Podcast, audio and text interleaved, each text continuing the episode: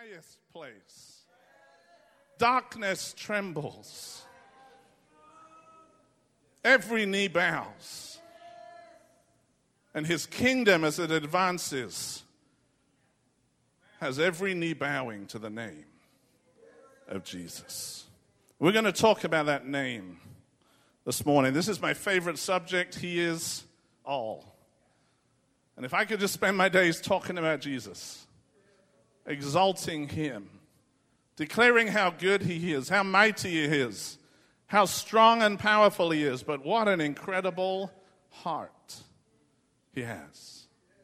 There is truly no one like our Savior. Nobody like our Savior. And we're going to feast on him this morning. How many of you want to feast on Jesus this morning? Hey, man, well, we are kicking off a new series this fall. Uh, Scott and Eric and myself and the other guys have been talking about what do we need to do this fall. And we're going to work into a new series, and we're going to hang that all that series on a passage in Luke, in Luke 4.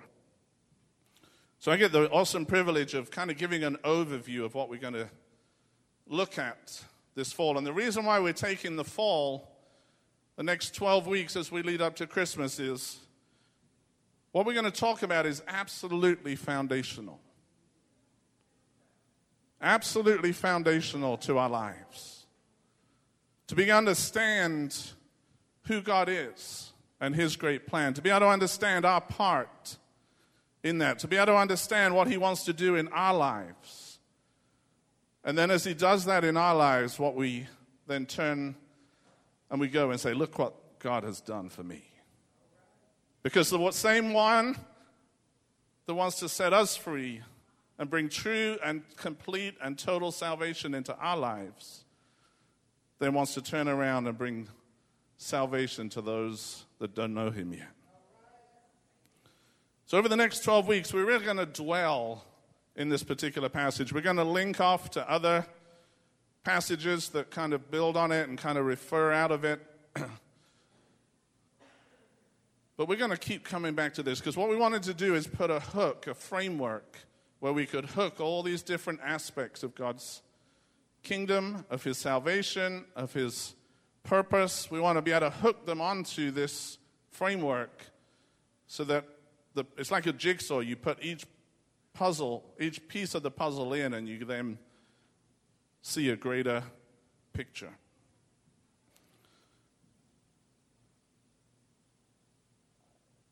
And this passage speaks of great revelation. This passage speaks of a revelation of Jesus Christ himself. When he walked this earth and he stood up and said, Here I am. And this is my job description.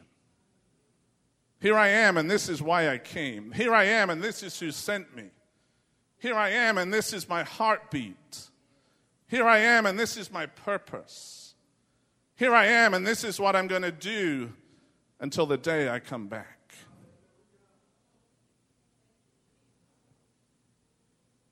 So, we're going to discover in this a person, a Savior, someone greater, more powerful, and more wonderful than we could ever imagine.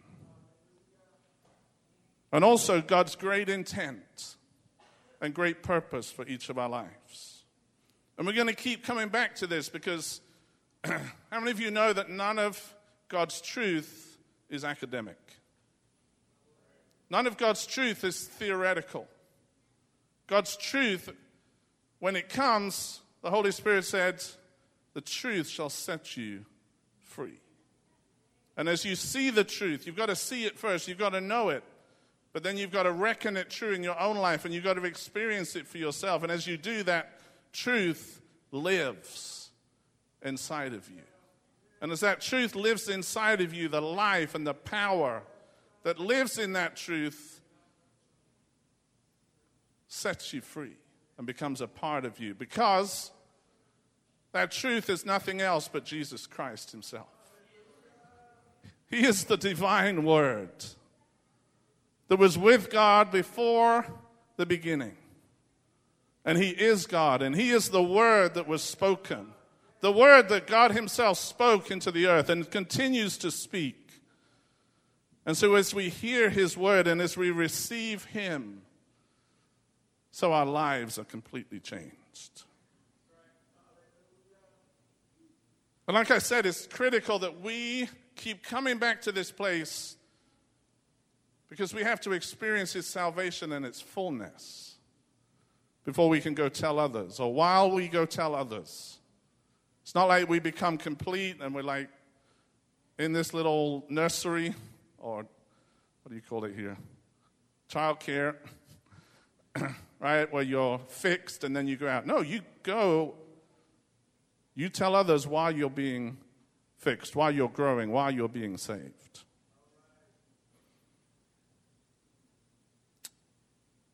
All right. so I want us to, to go back. How many of you know that the Gospels are real? They're actually historical, and they're actually true, and they actually happened. So I want to invite you just to imagine yourself 2018 years ago. Actually, I'm not going to work it out, but 30 years after that. In Nazareth, of all places. Nazareth was a, how do I say it? it wasn't a great place. It wasn't renowned. It wasn't a beautiful place. It was, I'm trying not to be crass, but the armpit of the south, some people have referred to cities as. And that was kind of the, how Nazareth was viewed. Uh, the common saying was, What good can come out of Nazareth? Little did they know, Mary. So I want us to imagine ourselves back there. It's dusty, it's dry. There's this guy called Jesus. Nothing special at that point. Nobody thought he was special. His mom did because he had she had some incredible experiences around his birth. Everyone else, Joseph's son, a carpenter, 30 years, 30 years old, kind of done the thing, done what you do is in that day you grow up, you're obedient to your parents, you 12 years old, start getting a trade, you work your trade, you become a carpenter. Pretty unique, huh? Pretty remarkable based on what we know about that man. And why we love why I love this passage is because this is where Jesus actually reveals himself as something more than just a carpenter. Something more than just Mary's son. Something more that nobody had any idea who this man was. So I want to read Luke 4. So he came to Nazareth. Can you imagine yourself there? Where he had been brought up. And as his custom was, he went into the synagogue on the Sabbath day and he stood up to read. Again, it was his custom, nothing special. Regular Sabbath day in the, in the synagogue, someone stands up to read. And he was handed the book of the prophet Isaiah. And when he had opened the book, he found the place where it was written The Spirit of the Lord is upon me. Because he has anointed me. And you can imagine as he stood up, the Spirit of the living God began to speak through him. And people that thought he was just Joseph, uh, or the son of Joseph and Mary, suddenly were confronted by the Spirit of God speaking through him. The Spirit of the Lord is upon me because he has anointed me to preach the gospel to the poor.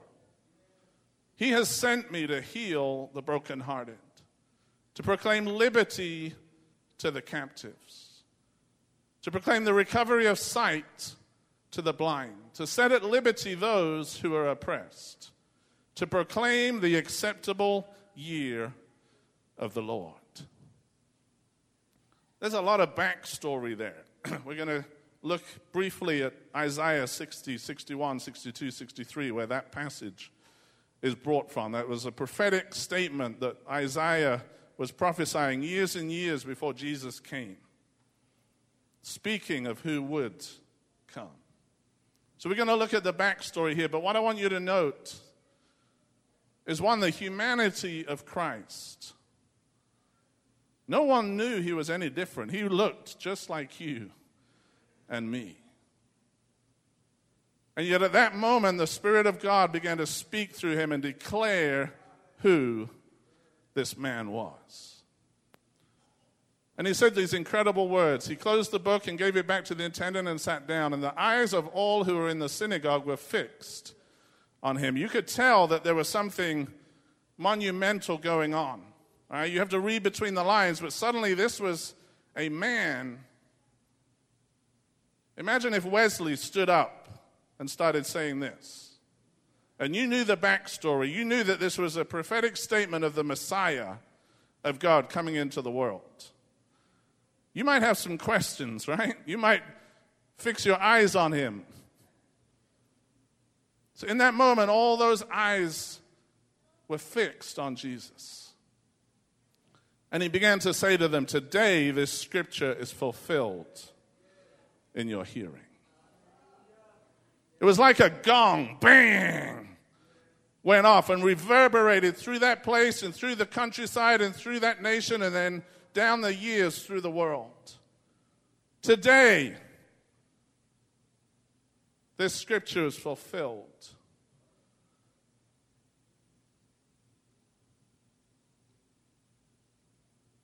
Isaiah 60 to 64, many centuries before, the context there was God's people were in exile.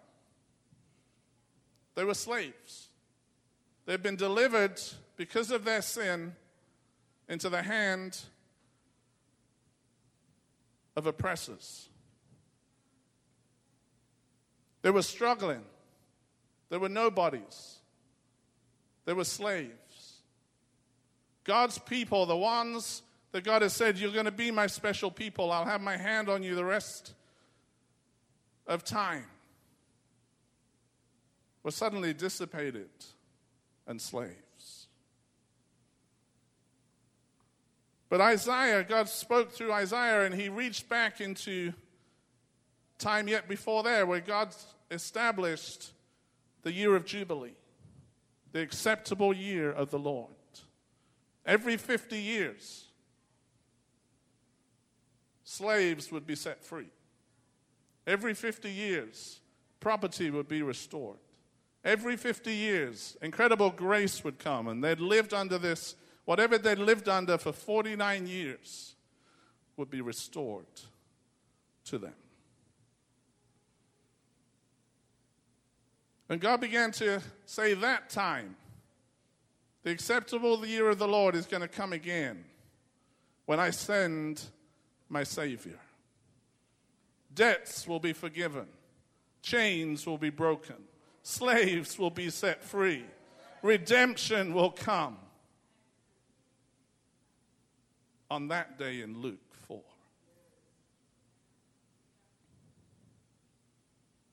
Isaiah 60 says, Arise, shine, for your light has come, and the glory of the Lord rises upon you.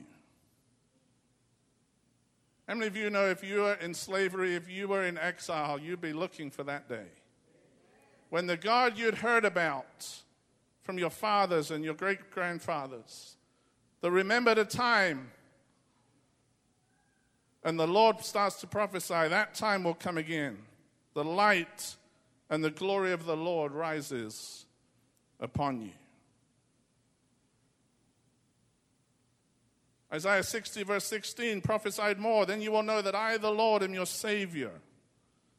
Listen to that. I, the Lord, am your Savior. Who's going to come and save them? I, the Lord, am your Savior, your Redeemer. Redemption was a big thing back then. That was the, when you had a slave, someone would come and redeem that. The year of the Lord, the ju- year of Jubilee, that would be, that slave's life would be redeemed. And a payment would be made and they would be free. I, the Lord, am your Savior. I, the Lord, am your Redeemer, the mighty one of Jacob. Isaiah 62. And Jesus quotes from Isaiah 61, which is inserted between these. Indeed, the Lord has proclaimed to the end of the world, say to the daughter of Zion, surely your salvation is coming. You might have to skip one here. Surely your salvation is coming. Behold, his reward is with him, and his work before him. I don't think I have that up there, actually. so listen to me. Say to the daughter of Zion, Surely your salvation is coming. Behold, his reward. Do you hear that again? God himself was going to come and save them, and his work before him. The rest of those passages don't just speak of being delivered from slavery, they were actually delivered to something.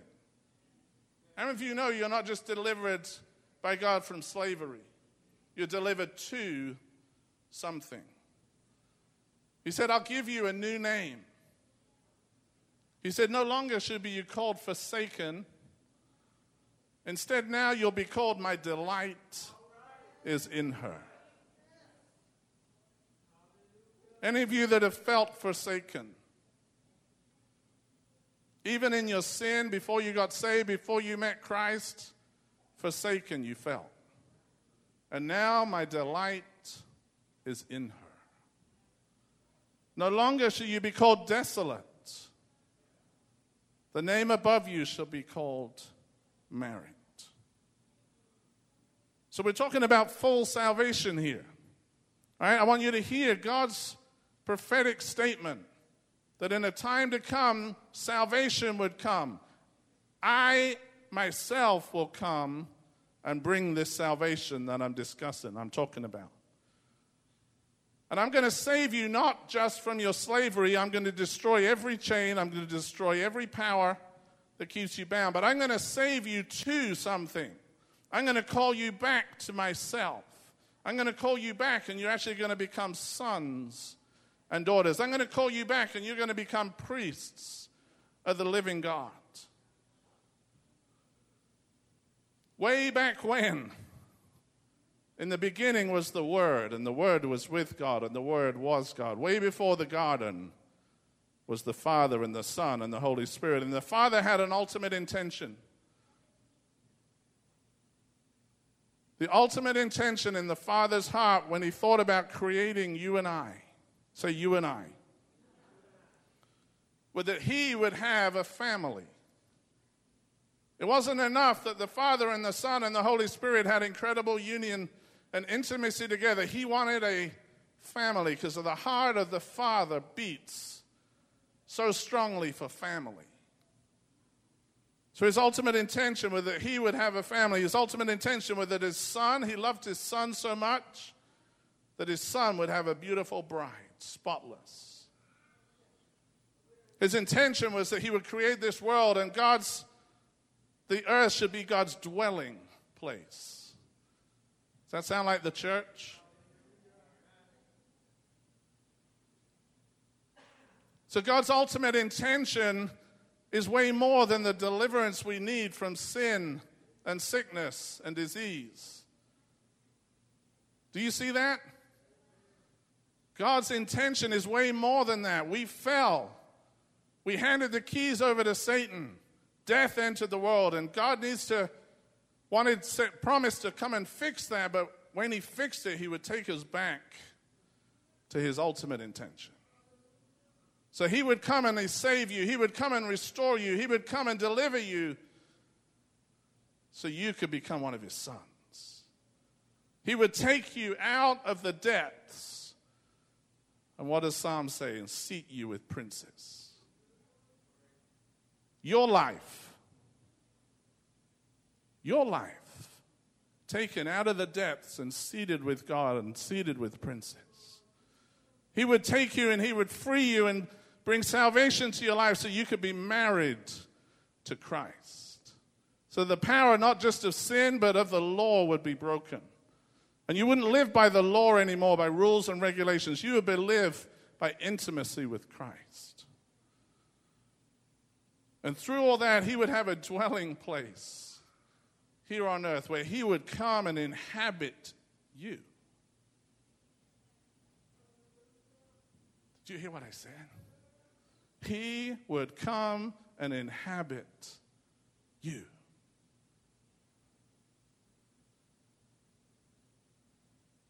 My gosh. No wonder when Jesus came, he said, I've come to preach good news to the poor. News that goes above just breaking the power of sin and forgiveness. Hear me, I'm not diminishing that. We were chained completely by sin. We were stained by sin. Death had entered the world. And one of the huge, monumental things that Christ did was destroy the power of it completely. But he didn't destroy it completely just so that we would then be free. He destroyed it completely so we would be free to be who we really are, which is sons and daughters, about God's business, about the Father's business, going out there completely free and saying, Let me show you what Jesus has done for me and what he wants to do for you. His ultimate intention brought to pass in the earth. So, do you understand that the problem was too big for us to do it, for us to fix it? Do you understand that the reason he had to say, I am your Savior. I will become your Savior. The living God Himself will descend into this earth and save you because of the extent of that salvation that need to happen. They already had forgiveness. Do you understand that? Sacrifices went on and on and on and on. Yes, it's far easier and we have forgiveness now, but it wasn't just about forgiveness. The problem wasn't just about getting you to heaven. How boring a life for you to get saved and then wait till you get to heaven. My gosh, how is that good news? How is that good news? No, no, no, no, no. Jesus came to preach good news to the poor, to say, I will destroy the power of sin in your life. I will destroy the old man in your life and render it powerless. I will destroy everything that's bound you to restore you into the Father's ultimate intention. To give you purpose in this life, to send you out about the Father's business, just like Jesus was about the Father's business. Just through your hands, healing would come. Through your hands, deliverance would come. The power of sin and the demonic on the people you know would be broken because Christ Himself would live in you and Christ Himself would continue the work that He's done in your life through you. When we look at salvation, we've got to understand the real deal. We've got to understand the extent of His salvation. It's not just sin. It is that. It's the power of sin in my life. The fact that this old man really was in Christ rendered inoperable. It was rendered powerless. And now I have a choice. Am I going to live in the spirit or am I going to live in the old man?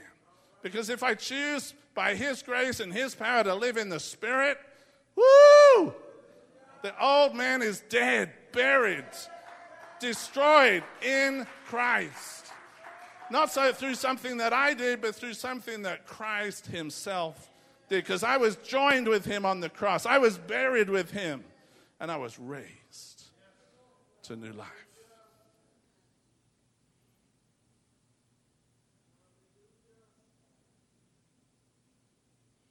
We sang about the name this morning. I could hardly stand it. Because when you understand that the name represents the person,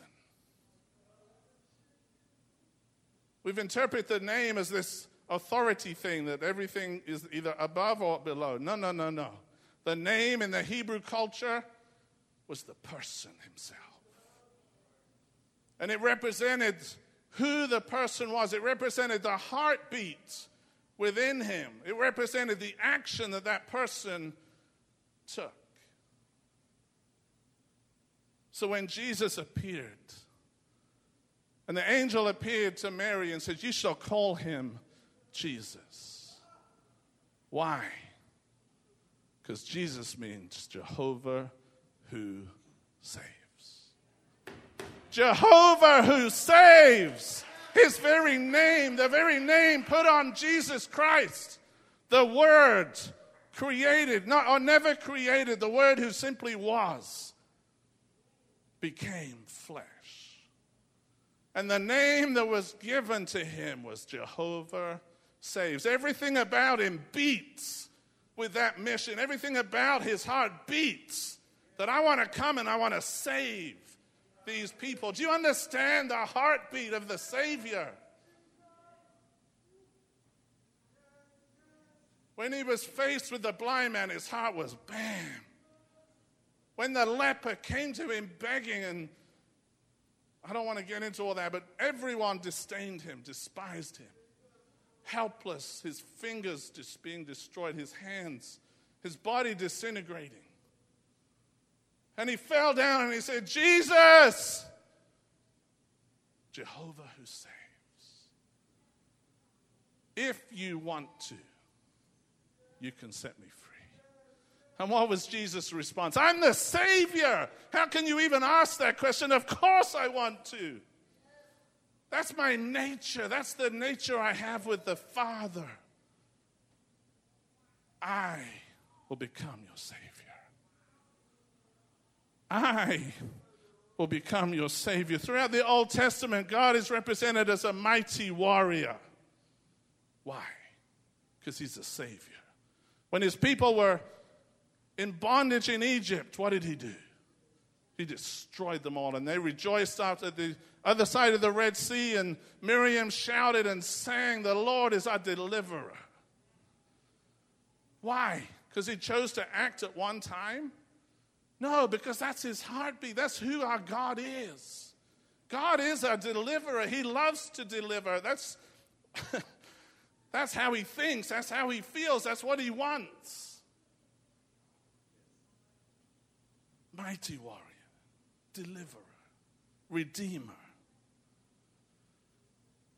No wonder the darkness trembles. That song this morning, the darkness trembles at the name of Jesus. Why? Because the name of Jesus above every other name, and it beats with a desire to save and to deliver and to heal and restore. Have you seen him? Our greatest need is to see who he is.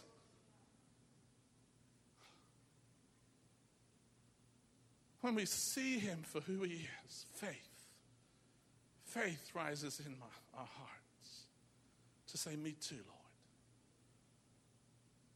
Me too. Save me. I can't save myself. Faith rises in our hearts where we see our coworkers, our friends, our family stuck, their lives being destroyed. But when we see Him, and we know that He lives within us. And when we know and we start feeling His heartbeat within us, we say, Man, Jesus, you save. And you reach out to your friends, and you reach out to your family, and you reach out to your coworkers. Or rather, He does through you.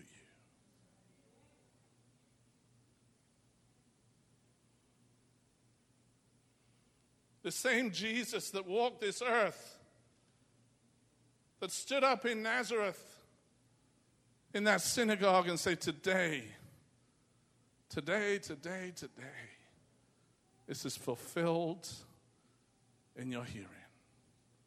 I am the one that was prophesied from Isaiah. I am the one. The God, the Father, and myself and the Spirit had in our hearts way before eternity, way before time began. That I would come and save. And because I knew that sin would come into the world, and I knew that you would give the hand, hand over the keys to Satan, I knew I would come and I would be glorified through it. Because I would demonstrate my heartbeat, I would demonstrate my nature, I would demonstrate my glory when I come to save.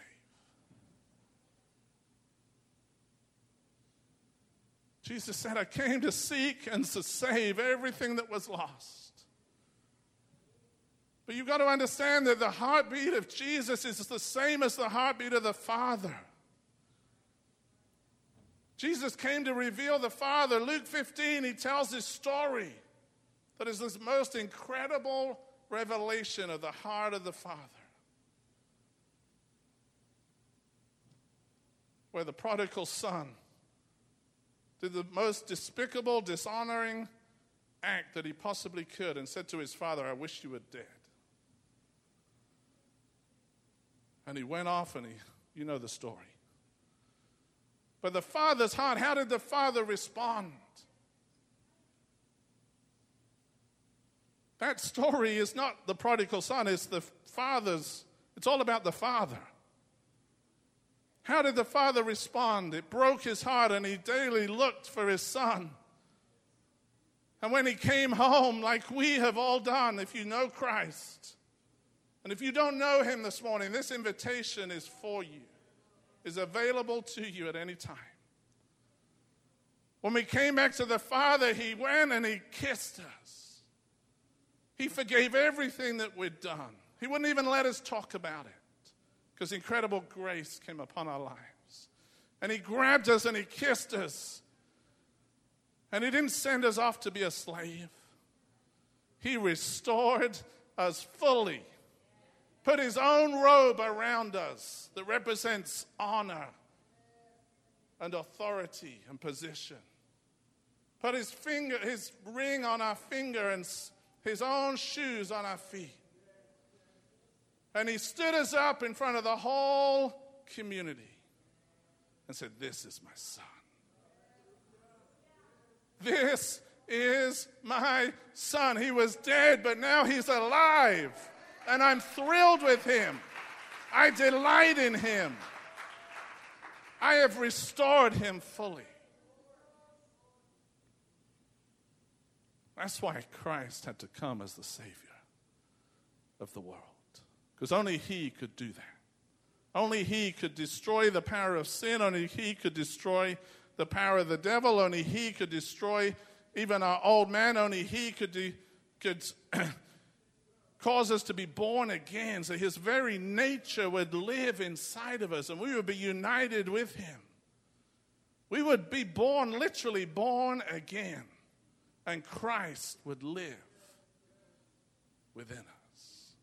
That's why no one else could do this. That's why no one else could say. That's why Christ Himself, the eternal Word, had to come. And that same one who came and that same one who demonstrated the Father and the Son and the Holy Spirit's heart throughout his life, healing, delivering, ultimately dying on a cross, is the same one who now lives forever not distant, not with his arms crossed, saying, Okay, I've done it. Here's a set of principles. I want you to live by those principles.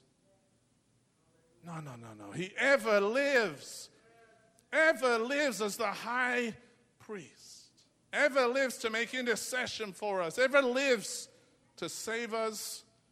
Hebrews 7 says, to the uttermost. Woo! The one with the name above every name lives to save me and to save you to the uttermost. My gosh. What good news is this? What good news is this? He came to, to preach good news to the poor. We haven't got a. half the time we forget how just how good this news is.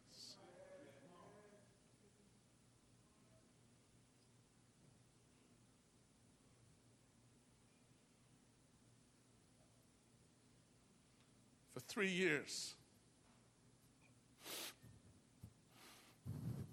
I was sick in bed.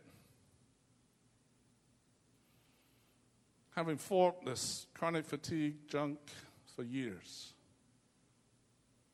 It finally got to the point where I could do nothing but lay in bed for three years. Had a young family, had to watch my wife trying to cope.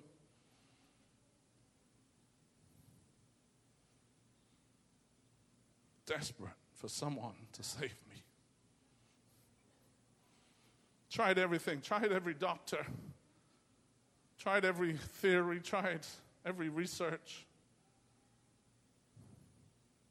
Crawled here to Raleigh, North Carolina. A few weeks after I got here, God sent a man called Glenn Middleton.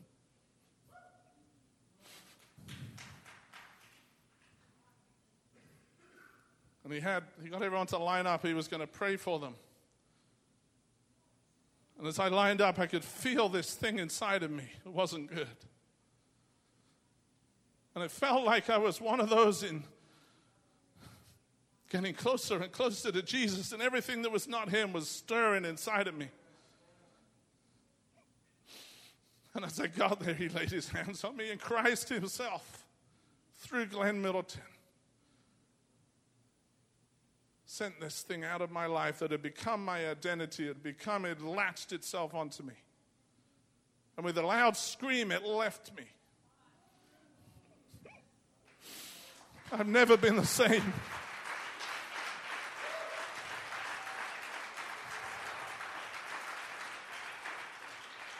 I've never been the same. But that was Christ Himself. Do we understand that Christ is not distant, He's not there waiting?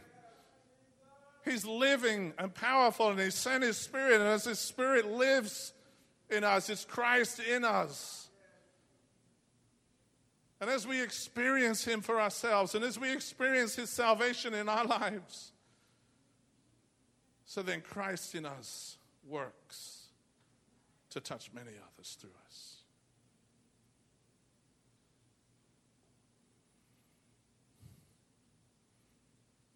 Christianity has nothing to do with principles.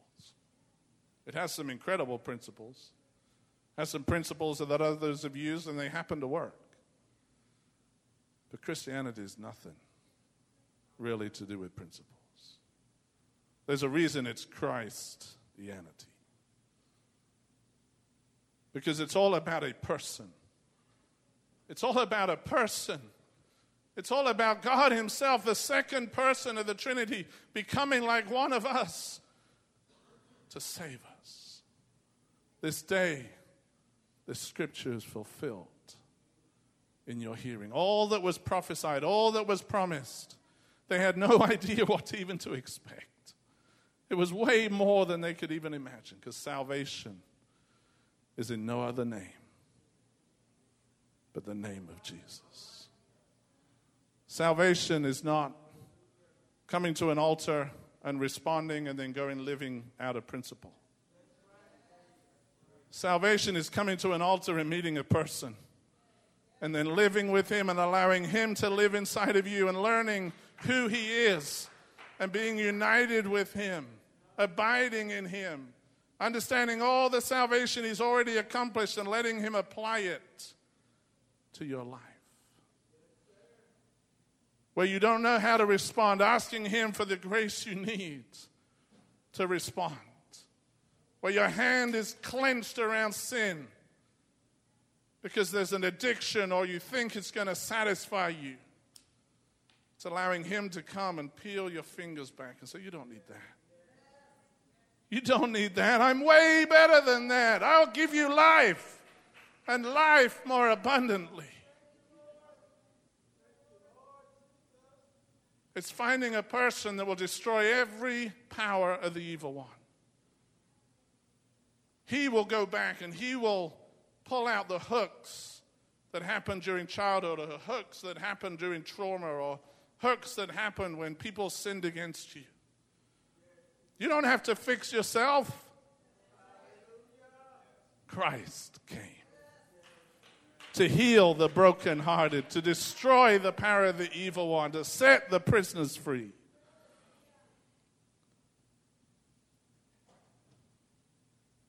If we'll fix our eyes on Him. it's a reason the writer of the Hebrews said, Whatever you do, fix your eyes on Jesus. Do nothing else. Just fix your eyes on Jesus. Where Paul said, I count everything as dung, the excellence of knowing Christ Jesus, my Lord. Knowing my Savior. Knowing my brother. Knowing my husband. Knowing my Lord and my King. Listen to me, please. You look around churches everywhere and they're driven by principle, and they've lost the person. They've lost the person. It's all about Him. Salvation is in Christ. When Paul wrote to the Ephesians, he said, In Christ, in Christ, in Christ, in Christ. Every other word is in Christ because he saw it. Salvation is a person, and his name is Jesus. His name is Jesus. His name is Jesus. His name is Jehovah saves. The darkness trembles because we have a king and we have a Lord and we have a mighty warrior who is full of tender compassion. Do you see him this morning? Do you see the risen one this morning? The one who came. You're the reason for his journey. You're the reason he came. You. The reason he came. More than that, the reason he died. Agony beyond description, being separated by the Father surrounded with incredible darkness for you. Because he knew the salvation he would be able to bring through that. Do you see him, the risen one? The risen one who lives for you. Who lives for you to save you, to bring you to the Father to set you free. He said, I come that you might have life. Life. life. Life. And then more abundant life.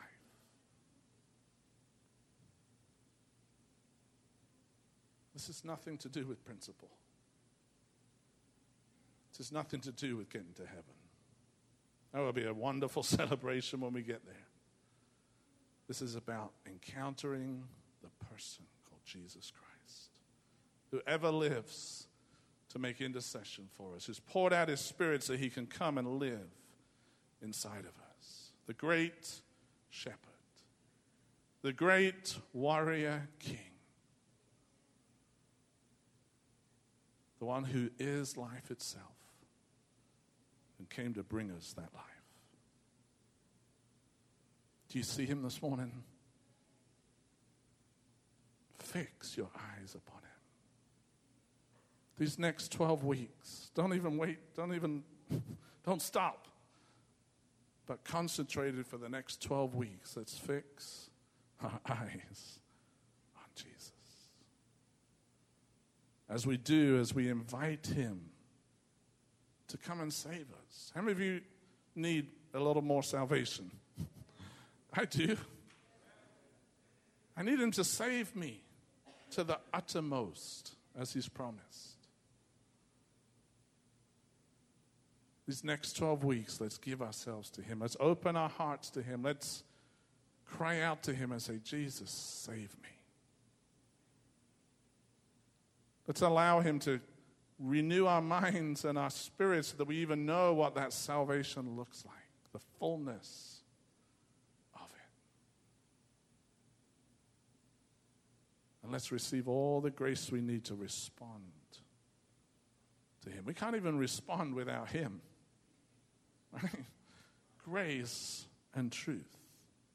The grace that He brings with the truth that He brings is the grace to respond to that truth.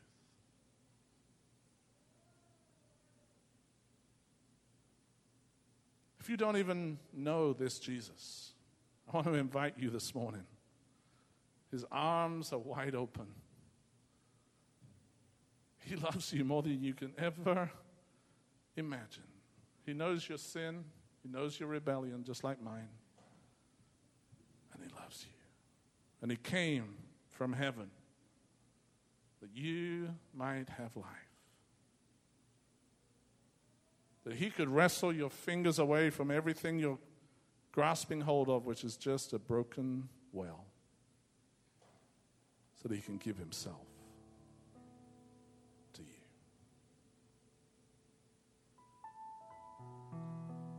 Some of you have known Him in the past and you've drifted. And you need to come back this morning and say, Jesus, I need a Savior. Don't leave me to myself. I need a Savior.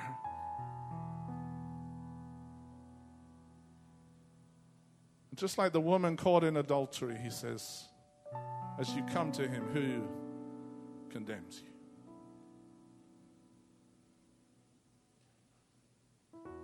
Go and sin no more. For those of us that already know him, just not near enough. Let's pursue him with everything in our hearts. Let's lay aside the weight that it so easily entangles us and run the race. The race is nothing more than a race to Jesus Christ Himself.